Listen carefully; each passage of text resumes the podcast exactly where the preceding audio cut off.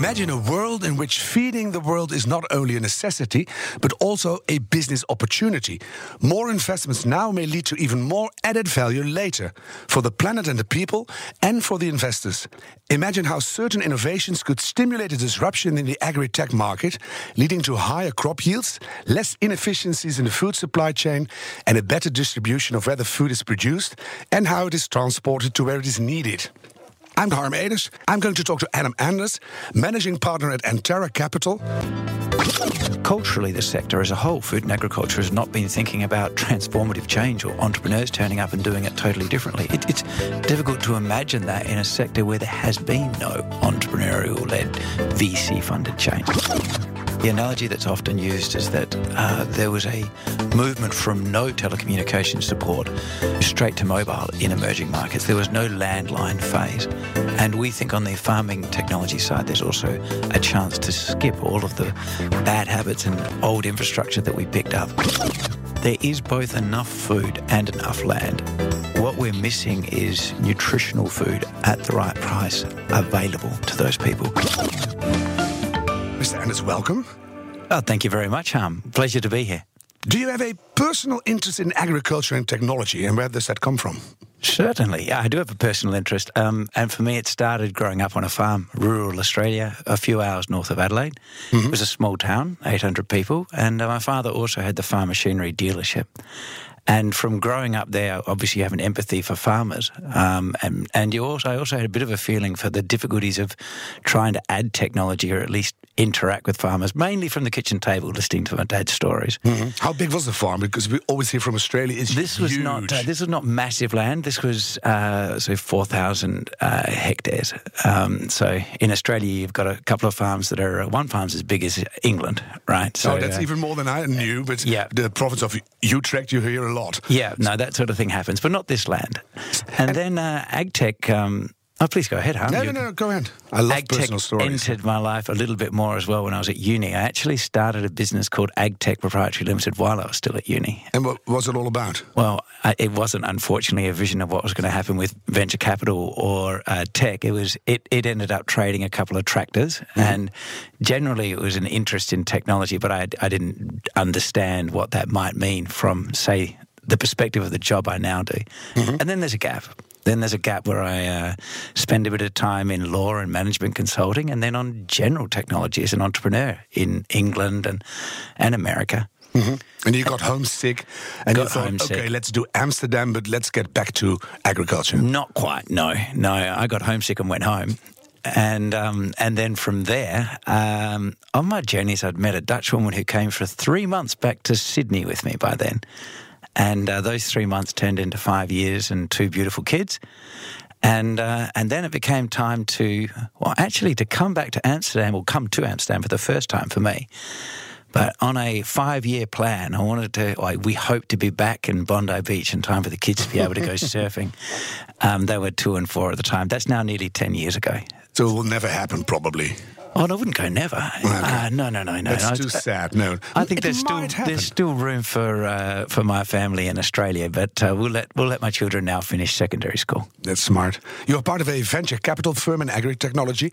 Is it is it all about the money, or is there some ideology in there somewhere?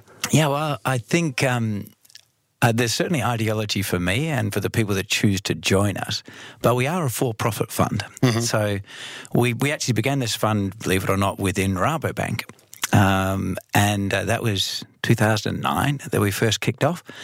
And as we, our vision then, which hasn't changed, uh, was that first of all, there's an absolute need for change in food and agriculture across the value chain, mm-hmm.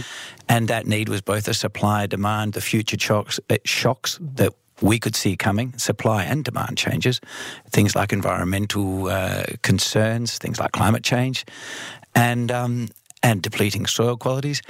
So we said unequivocally that value chain's got to change, and certainly um, technology will be a part of that solution. Perhaps not all of it.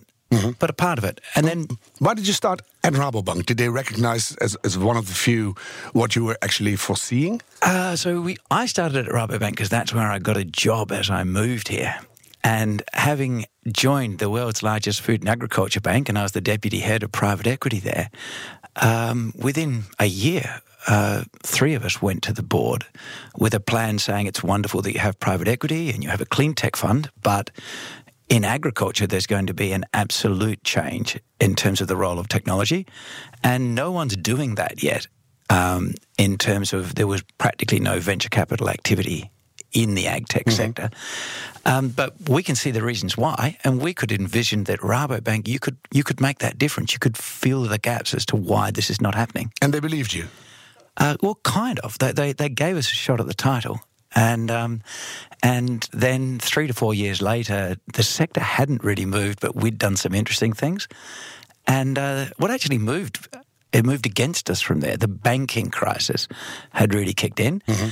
And although it wasn't legislative. It wasn't in, legis- in legislation yet, but it became apparent that the bank would not be encouraged and maybe be legally banned from having something as risky as venture capital. Yeah. And uh, that's the reason why you separated. It was time for us to move out.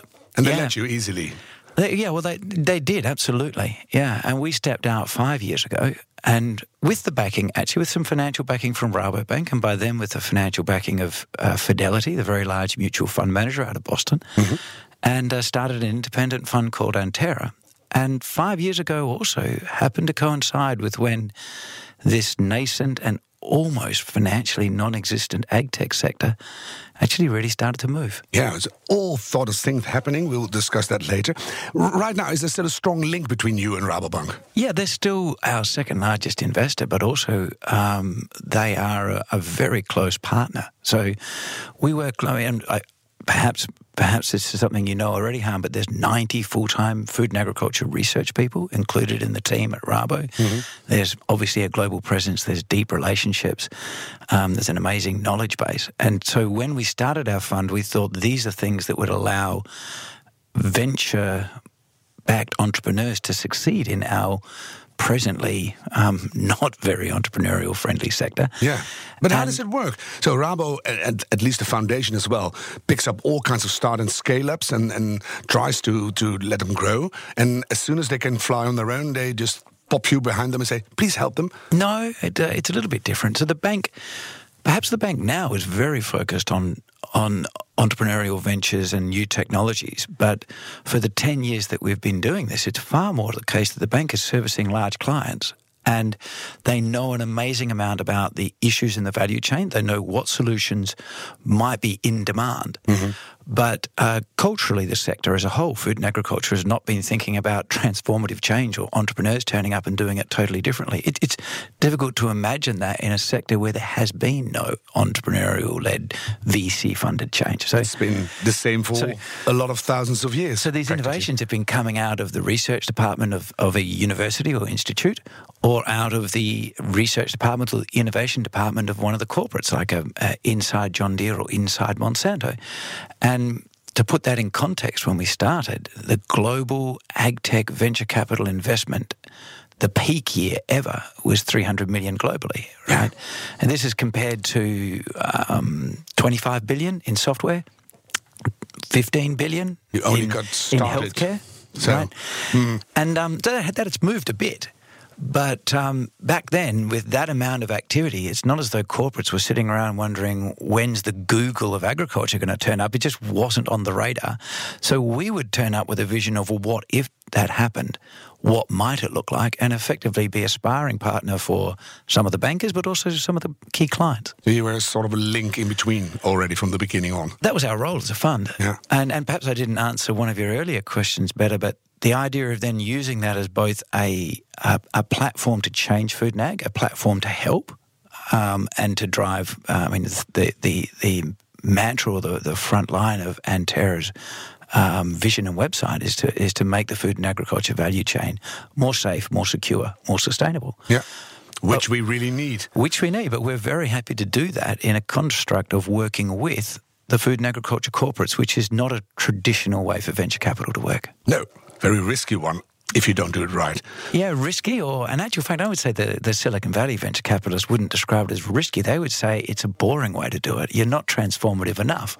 Right? They, You're um, smiling now. That's good. yeah, but they don't. Um, they're not looking to necessarily work with an existing value chain. They just want to smash it up and do it better. Mm-hmm. And you can see how an Airbnb or an Uber or um, um uh, the world is changing rapidly, isn't it? They're not. So why not? They're the not farmers? really partnering with the value chain. That's um, true. They are just stepping over and around it, and um, our strategy involves quite a lot more collaboration. I'm not, not 100% sure that's right, but obviously I believe it's the best way. Let, Otherwise, we wouldn't do it that way. Yeah. Let's try to describe for the listeners what do you do all day?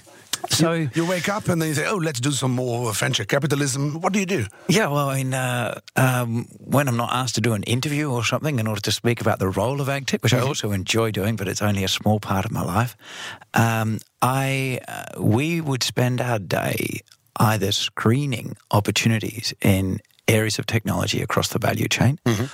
Um, if we get engaged on a particular opportunity, then we, we do a lot of detailed work on that company, but also its competitors, its sector, its growth opportunities.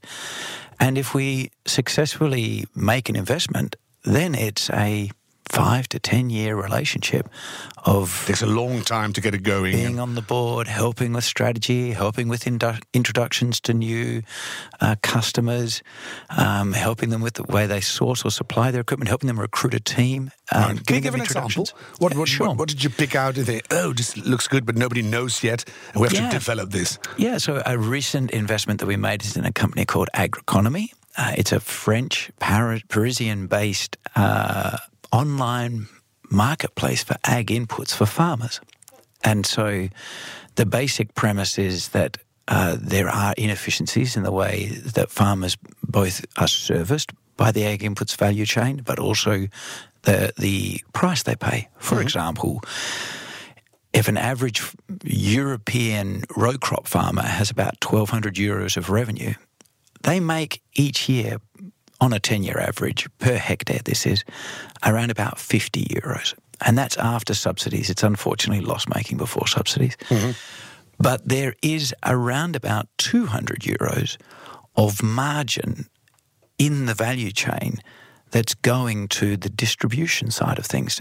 So if we could imagine in between the Monsanto and the Bayer and before it gets to the farm gate, a lot of that's being a service provided by cooperatives, and those cooperatives are not making a profit, far from it.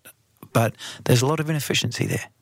And so the, the, guys in between don't really like you very much. The guys in between are not very happy with us at all. But the, the, the thesis is let's simplify that. Let's see if we can grab some of that margin and simplify it and localize it probably as well. Simplify it, localize it. Let's get the delivery to the farm gate of those ag inputs, that mm. fertilizer, that herbicide, that fungicide.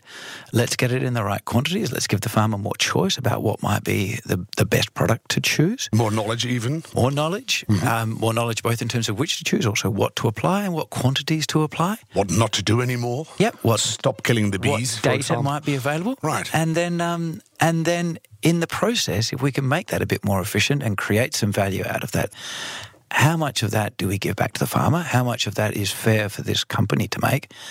And um, how much uh, is actually there perhaps uh, for other parts of the value chain that need support. Mm-hmm. Um, so that can get things more sustainable, environmental less consulting could farmers, come in, yeah, etc., etc. Exactly. Right. And then, as you mentioned, um, being a bit more bee friendly, that would be another entirely different type of investment. We've invested in a biological alternative to current um, pesticides and herbicides. A company called Vestaron, which has a bee friendly pesticide. A and really bee friendly pesticide. One hundred percent signed off now as bee friendly. So, and a new mode Let of action. grasp some oxygen, okay? Yeah. Wow. That yeah, so that's good. something. Mm-hmm. That is really, and high yeah. efficacy. So there's a fair few bee friendly pesticides out there, but, and biologicals generally are available out there, but they're normally very low efficacy. And so at the end of the day, if you're a farmer and you're only going to kill 70% of the pests, unfortunately, that doesn't get you through the season. And they've got expense issues and handling issues. And this has got a chance to actually be a high efficacy biological alternative, a very exciting company. And smiling again. So am I. This is good news.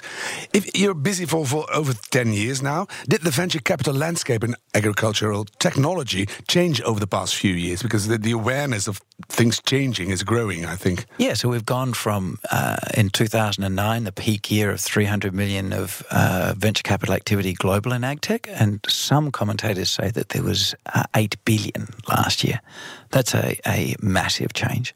So there's a lot more startup companies out there. Mm-hmm. You're growing yourself rapidly, aren't you? We've also doubled in size each year since we stepped out of the bank five years ago. Mm-hmm. Actually, we've doubled in size three times. So every year and a half, we've doubled in size. Yeah. We also opened a Boston office because a lot of that activity was uh, in the early stages of ag tech moving. It, it actually occurred in America. That's now swinging back. It's swinging back with more activity in Europe and a lot more in Asia. And Africa, I presume. Africa, early days. Starting early days. Early still. days. Yeah. Early days. There's, mm-hmm. there's a huge opportunity in the emerging markets for technology to make a step change difference. Um, but Rabo is really trying that, so you, you might follow shortly. Yeah, absolutely. We'd love to uh, follow. We also have a, a, strategic partnership with FMO, the Dutch Development Bank, mm-hmm um, where we're looking at opportunities that could essentially achieve that step change. I think that the analogy that's often used is that uh, there was a movement from no telecommunications support um, to straight to mobile in emerging markets. There was no landline phase. And we think on the farming technology side, there's also a chance to skip all of the bad habits and old infrastructure that we picked up yeah. and move straight to that next phase. So you see it a bit in China. Yep. So let's do it in Africa. Exactly. Or let them do it. So And the other thing that's very attractive about emerging market adoption of technology is there's a lot less arrogance about how to farm in many of these regions. So part of the problem with having a great tech that works is convincing a farmer that this is better than the way they've done things. And if that farmer is a Dutch dairy farmer and is already one of the best dairy farmers in the world from Groningen, yeah, yes, then how, to convince him. how do you convince them that this app might actually add value? And also, if they're operating at top world standard efficiency, then the marginal gain is less. You can always call me. I've got you've Groningse roots. You've got so. uh, connections to be able to get us to some dairy farmers that might get more benefit from our sure. app, or at least believe you more than they might believe our entrepreneurs or Anterra. That'd be appreciated. How would you uh, formulate your ambitions as Anterra Capital? Is your aim to fund the innovation that contributes to solving the world hunger problems, or is your goal more likely to be described in numbers? Uh, well, we're, we're absolutely interested in both. But um, at Anterra, we do strongly believe that delivering back the numbers to our investors is critical to getting a mandate to actually fund more of these technologies. Mm-hmm. So internally we absolutely monitor very we, we only invest in companies that are going to help the environment and we're very also careful on other aspects of uh, responsible impact investing around governance around uh, fair practices um, but um, we do say to our investors that uh, none of this is going to be a compromise on your return. Mm-hmm. And um, we also think that's very important. It has proven to be very important in terms of um, getting a mandate to invest more and therefore hopefully have a bigger positive impact. But what I'm pointing at, the uh, banks and capital funds keep on talking about growth. It's even Rabobank inside yep. the Netherlands, growth, growth, growth. And I can think of a circular economy that is sort of shrinking. You'll earn more, you'll be happier, but you, you shrink a bit because you're circular. Well, I think if we're, we're going to measure growth in that way, let's talk about productivity instead of absolute yield growth is a good example on a crop. I think there's been a boom in yield, and there's even a, a, lot of the big corporates in agriculture talk about yield improvement, particularly, say, Monsanto Group had yield as a system when they went from being a seed and chemicals business, predominantly seed. They talked about yield as a system, as in you'll get more off each mm-hmm. acre, each hectare. And we at least think that's the wrong metric. Not that all metrics for Monsanto are, are, wrong, but that particular metric is the wrong approach because how much you get off should always be relevant to what you put in in terms of ag inputs, water, um, and what you took out of the soil. So yeah, but productivity this... increase can be a form of growth that would fulfill your circular goal and hopefully also fulfill a, a better place and a better environment. Yeah, but if you get more yield from the same hectare, you could say, um, let, let's do a little bit more, uh, give, give the birds a bit more of a chance and, and because then you have the same earnings or mm, at least better earnings and, and give nature a bit more chance. Yeah. So it's all in there. Yeah, well, I would take, I would just keep away from that word yield. I talk about productivity. It's mm-hmm. about mm-hmm. getting more off with less as opposed to just getting more off. I think the last green revolution was about getting more off. It was about yield increase. It was about absolute, if I smother this thing in fertilizer and pesticide, will I get more off per acre but it's at a price in terms of the cost of those inputs, and it's at a price in terms of the environment, and it's at a price in terms of the long term productivity of that soil or land. Yeah. Productivity, on the other hand, if it can take those factors into account, will get us on the right track, I think. you've got all kinds of terrifying numbers coming at you if you really study it. Like only one third of all the land on the world is uh, fit for agriculture, and one third of that will flush away coming 20 years. So stuff like that. Oh, we have to change rapidly. I mean, absolutely, we have to change rapidly. Mm. You know, I think some of those. Uh, uh, we're running a food and agriculture tech fund and we believe in change, so I don't want to belittle the numbers, but there is both enough food and enough land what we're missing is nutritional food at the right price available mm-hmm. to those people. I heard 48% of the food being produced never even reaches the plate. Um, that is, I've heard varying numbers, but yes, order of magnitude, that's absolutely correct. Certainly in fresh produce, that number is correct. It's crazy. Um, no and and the amazing thing is that you have an equal problem with food waste in emerging markets as you do in developed. In developed, it's mostly uh, between uh, the retailer and our fridge or our rubbish bin. Mm-hmm. And in emerging markets, a lot of it is wasted at the field, just poor harvesting practice, yeah. bad storage, poor logistics. Um, and that's where you actually have big losses in emerging markets. This is what you talk about inside Anterra, because one could even say if we don't invest in the right things now, the cost of what inevitably will come in the future will be much higher. Yeah, absolutely, absolutely. So any any piece of that puzzle that we just mentioned would be relevant for us. So we're interested in getting better genetics in terms of better plants. We're interested in in better treatment for that in terms of the ag inputs. We're interested in better practices in terms of perhaps using data or um, different procedures and processes or sensors um, on the farm to make better decisions. And we're mm-hmm. also interested in using different business models and e-commerce and data again in order to help the produce make it in a more efficient way to the household with less waste, maybe yeah. with less people handling it. Um, and, you know, um, if at the end of all that, uh, it's also more nutritious food, what a bonus. Yeah. So you use absolutely everything there is to get the change going. Yeah. Yeah. All available technologies. Is there a certain kind of startup that you focus on? Which this is really good for us to invest in. We uh, group our, our, our key themes. We group into two big buckets. Uh, one is on the biotechnology side, where we see um, a, a, fascinating and large opportunity, actually a mimic of what happened in human health, which has been transformed by biotech development.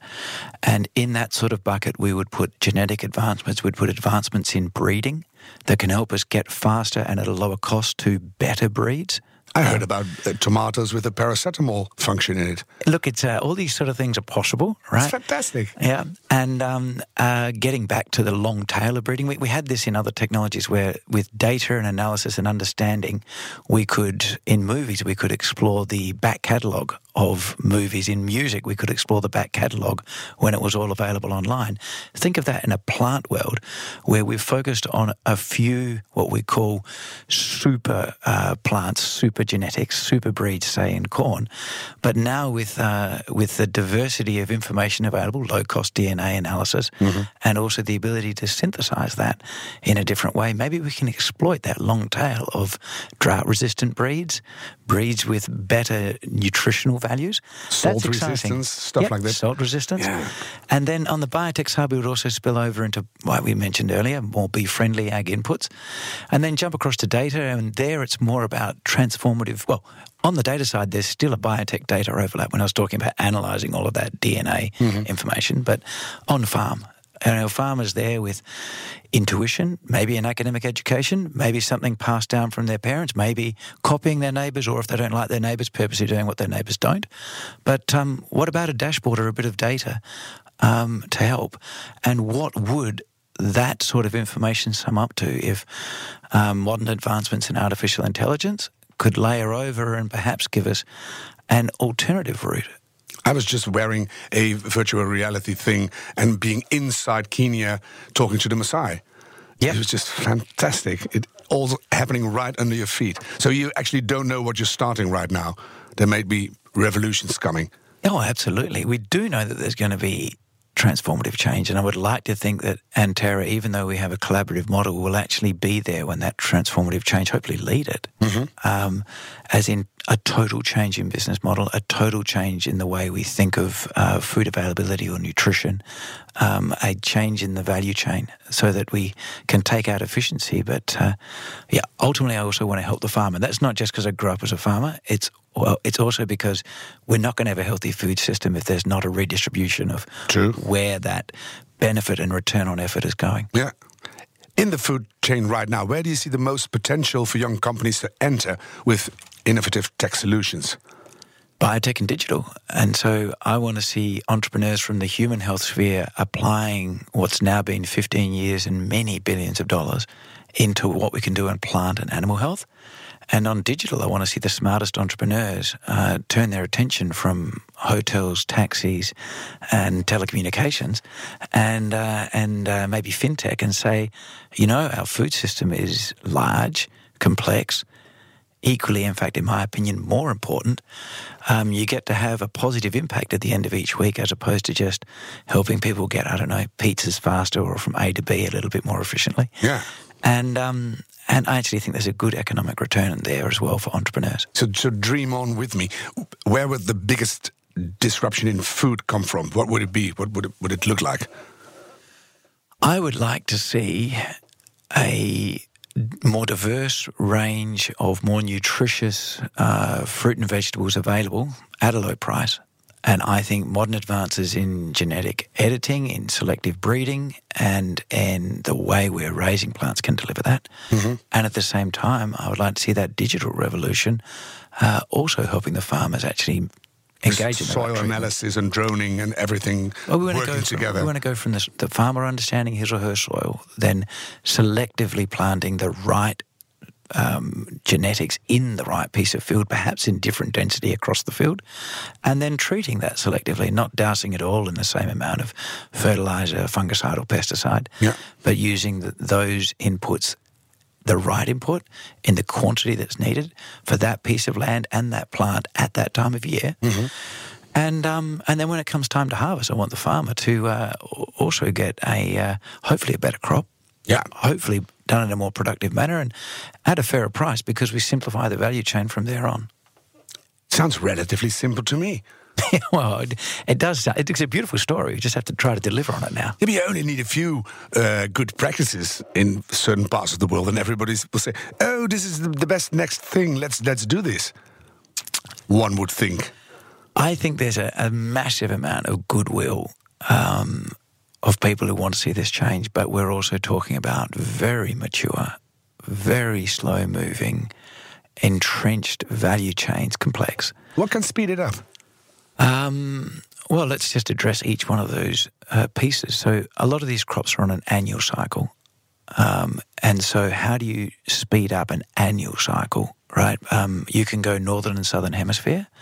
That allows you to get more data and more committed farmers. Mm-hmm. We've then got to have a little bit more either sharing or trust between the entrepreneurs and the and the value chain, or perhaps between the farmers and the farmers, so that um, as something is proven to work, we have a faster adoption rate. Um, it's not the easiest sector for adoption rates. And then if we look at the power of the large corporates, we've got uh, four, well, it used to be six, it's now dropping to about three major ag input companies. We've got the ABCDs on distribution of commodities or purchase and distribution of commodities. Mm-hmm. That's the uh, Cargill, Louis Dreyfus, um, uh, and the like. And then we have um, in each individual country about 60 to 70% concentration at retail per country in food. Of course, Albert Heijn here being the, the obvious and clear candidate, and Australia, my home country, is quite the same with Coles and Woolworths. So cracking that is not trivial. But after many, many years of high concentration in a few large corporates, inefficiencies do follow. And so entrepreneurs like a big challenge and they like it to be in the billions of numbers and they don't mind um, uh, taking on that. Sometimes from a perspective of perhaps what a regular person in the street would say a, a position of insanity, an unrealistic mm-hmm. goal. Yeah.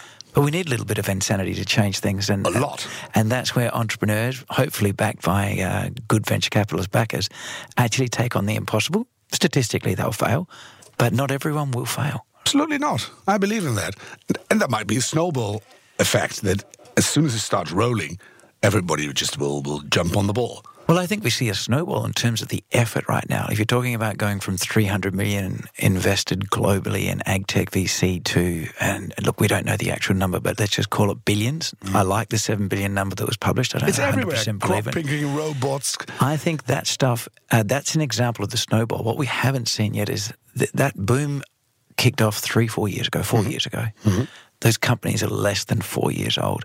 So if you're wondering why you haven't seen the Google of food tech or ag tech, um, these things aren't built in four years. But what's going to be fascinating is that amount of entrepreneurial effort, that amount of new tech, that amount of cash, and that amount of goodwill in terms of people wanting the change. I think we're going to see something quite transformational. And I no longer, I always thought it would happen. I just didn't know when. No, and, and now for, you know. Well, I still don't know when, but I no longer, when we first started Anterra, I wondered, look, this is definitely going to happen. It's a great strategy. Yeah. But the question is, is our timing right? And I would say four years later, it was like, well, probably not. But now, nine years later, um, it feels like the timing is now. I think it's going to be in the next five years that we see our first billion dollar startups um, unicorns. You know, well, we've got two this unicorns in ag tech now, mm-hmm. right? We just had a Smiling new. Again. we just had a new biological ag input company that had its uh, money raised at 3.5 billion. Unfortunately, wow. it's it's one that uh, uh, Anterra wasn't an investor in, but it's just great for the sector to see that. How do you do that when when you uh, start to to help a, a, starting company? How do you invest in that? It's not just money, is it? No, no. Um, and I think every investor has a different strategy, but by being a sector specific investor, and we've chosen just to be a food and ag tech, um, we do say, look, everyone's got their different skill sets in the consortium. I think entrepreneurs always need that diversity of skills. So somebody else will be incredible at artificial intelligence and will know the best programmers and coders. Somebody else will have experience at exponential growth. You bring it all together in a way that ag, ag tech has never seen. And we're turning up saying, look, we understand the application to the farmer. We've built relationships with many of the large corporates that you're going to have to sell through or compete against, mm-hmm. um, or use as a channel in different countries and um, and we're going to provide the context for your amazing skills, hopefully, to change our sector. That's that's the end, and so we're, I would say, at the very hands-on end of venture capital investing. In a few years, we'll leave out the hopefully. We just do it. You must have a pretty good idea about what's going on in this sector. Do you think we can do it? Can we feed nine, ten billion people by the year of 2050? I'm certain we can feed that many people. I don't have any doubt about that. I, am more worried about um, how nutritious that food will be, how affordable that food will be, and what damage we're going to do to the planet as part of doing it. So um, uh, that is, I think, where the crunch point comes. No damage. There's going to be there's going to be some damage. It's difficult to reverse a pathway we're on in terms of the, the way agriculture is done. It's now a matter of better understanding that, minimizing it, and changing those practices going forward. And I always hope we can really change it around so we actually bring something to the planet. Yes, exactly. In the end, exactly. So that um, and that's an aspiration which I can see as being theoretically possible. But to change the machine that's become an industrial crop machine uh, to a completely sustainable machine, that's a longer journey. But uh, there are some material big steps we can make in the next five years. We don't need to wait until the 2030 population boom number kicks in. We cannot wait. Thank you very much. Anna Anders, managing partner at Anterra Capital, and good luck. Thank you very much. Thanks for having me here. And you, thanks for listening. Go to rabobank.com to find more information on the bank's activities to make this world a better place. Here you will also find the other episodes in the series, Banking for Food. Together we can grow a better world. Just imagine.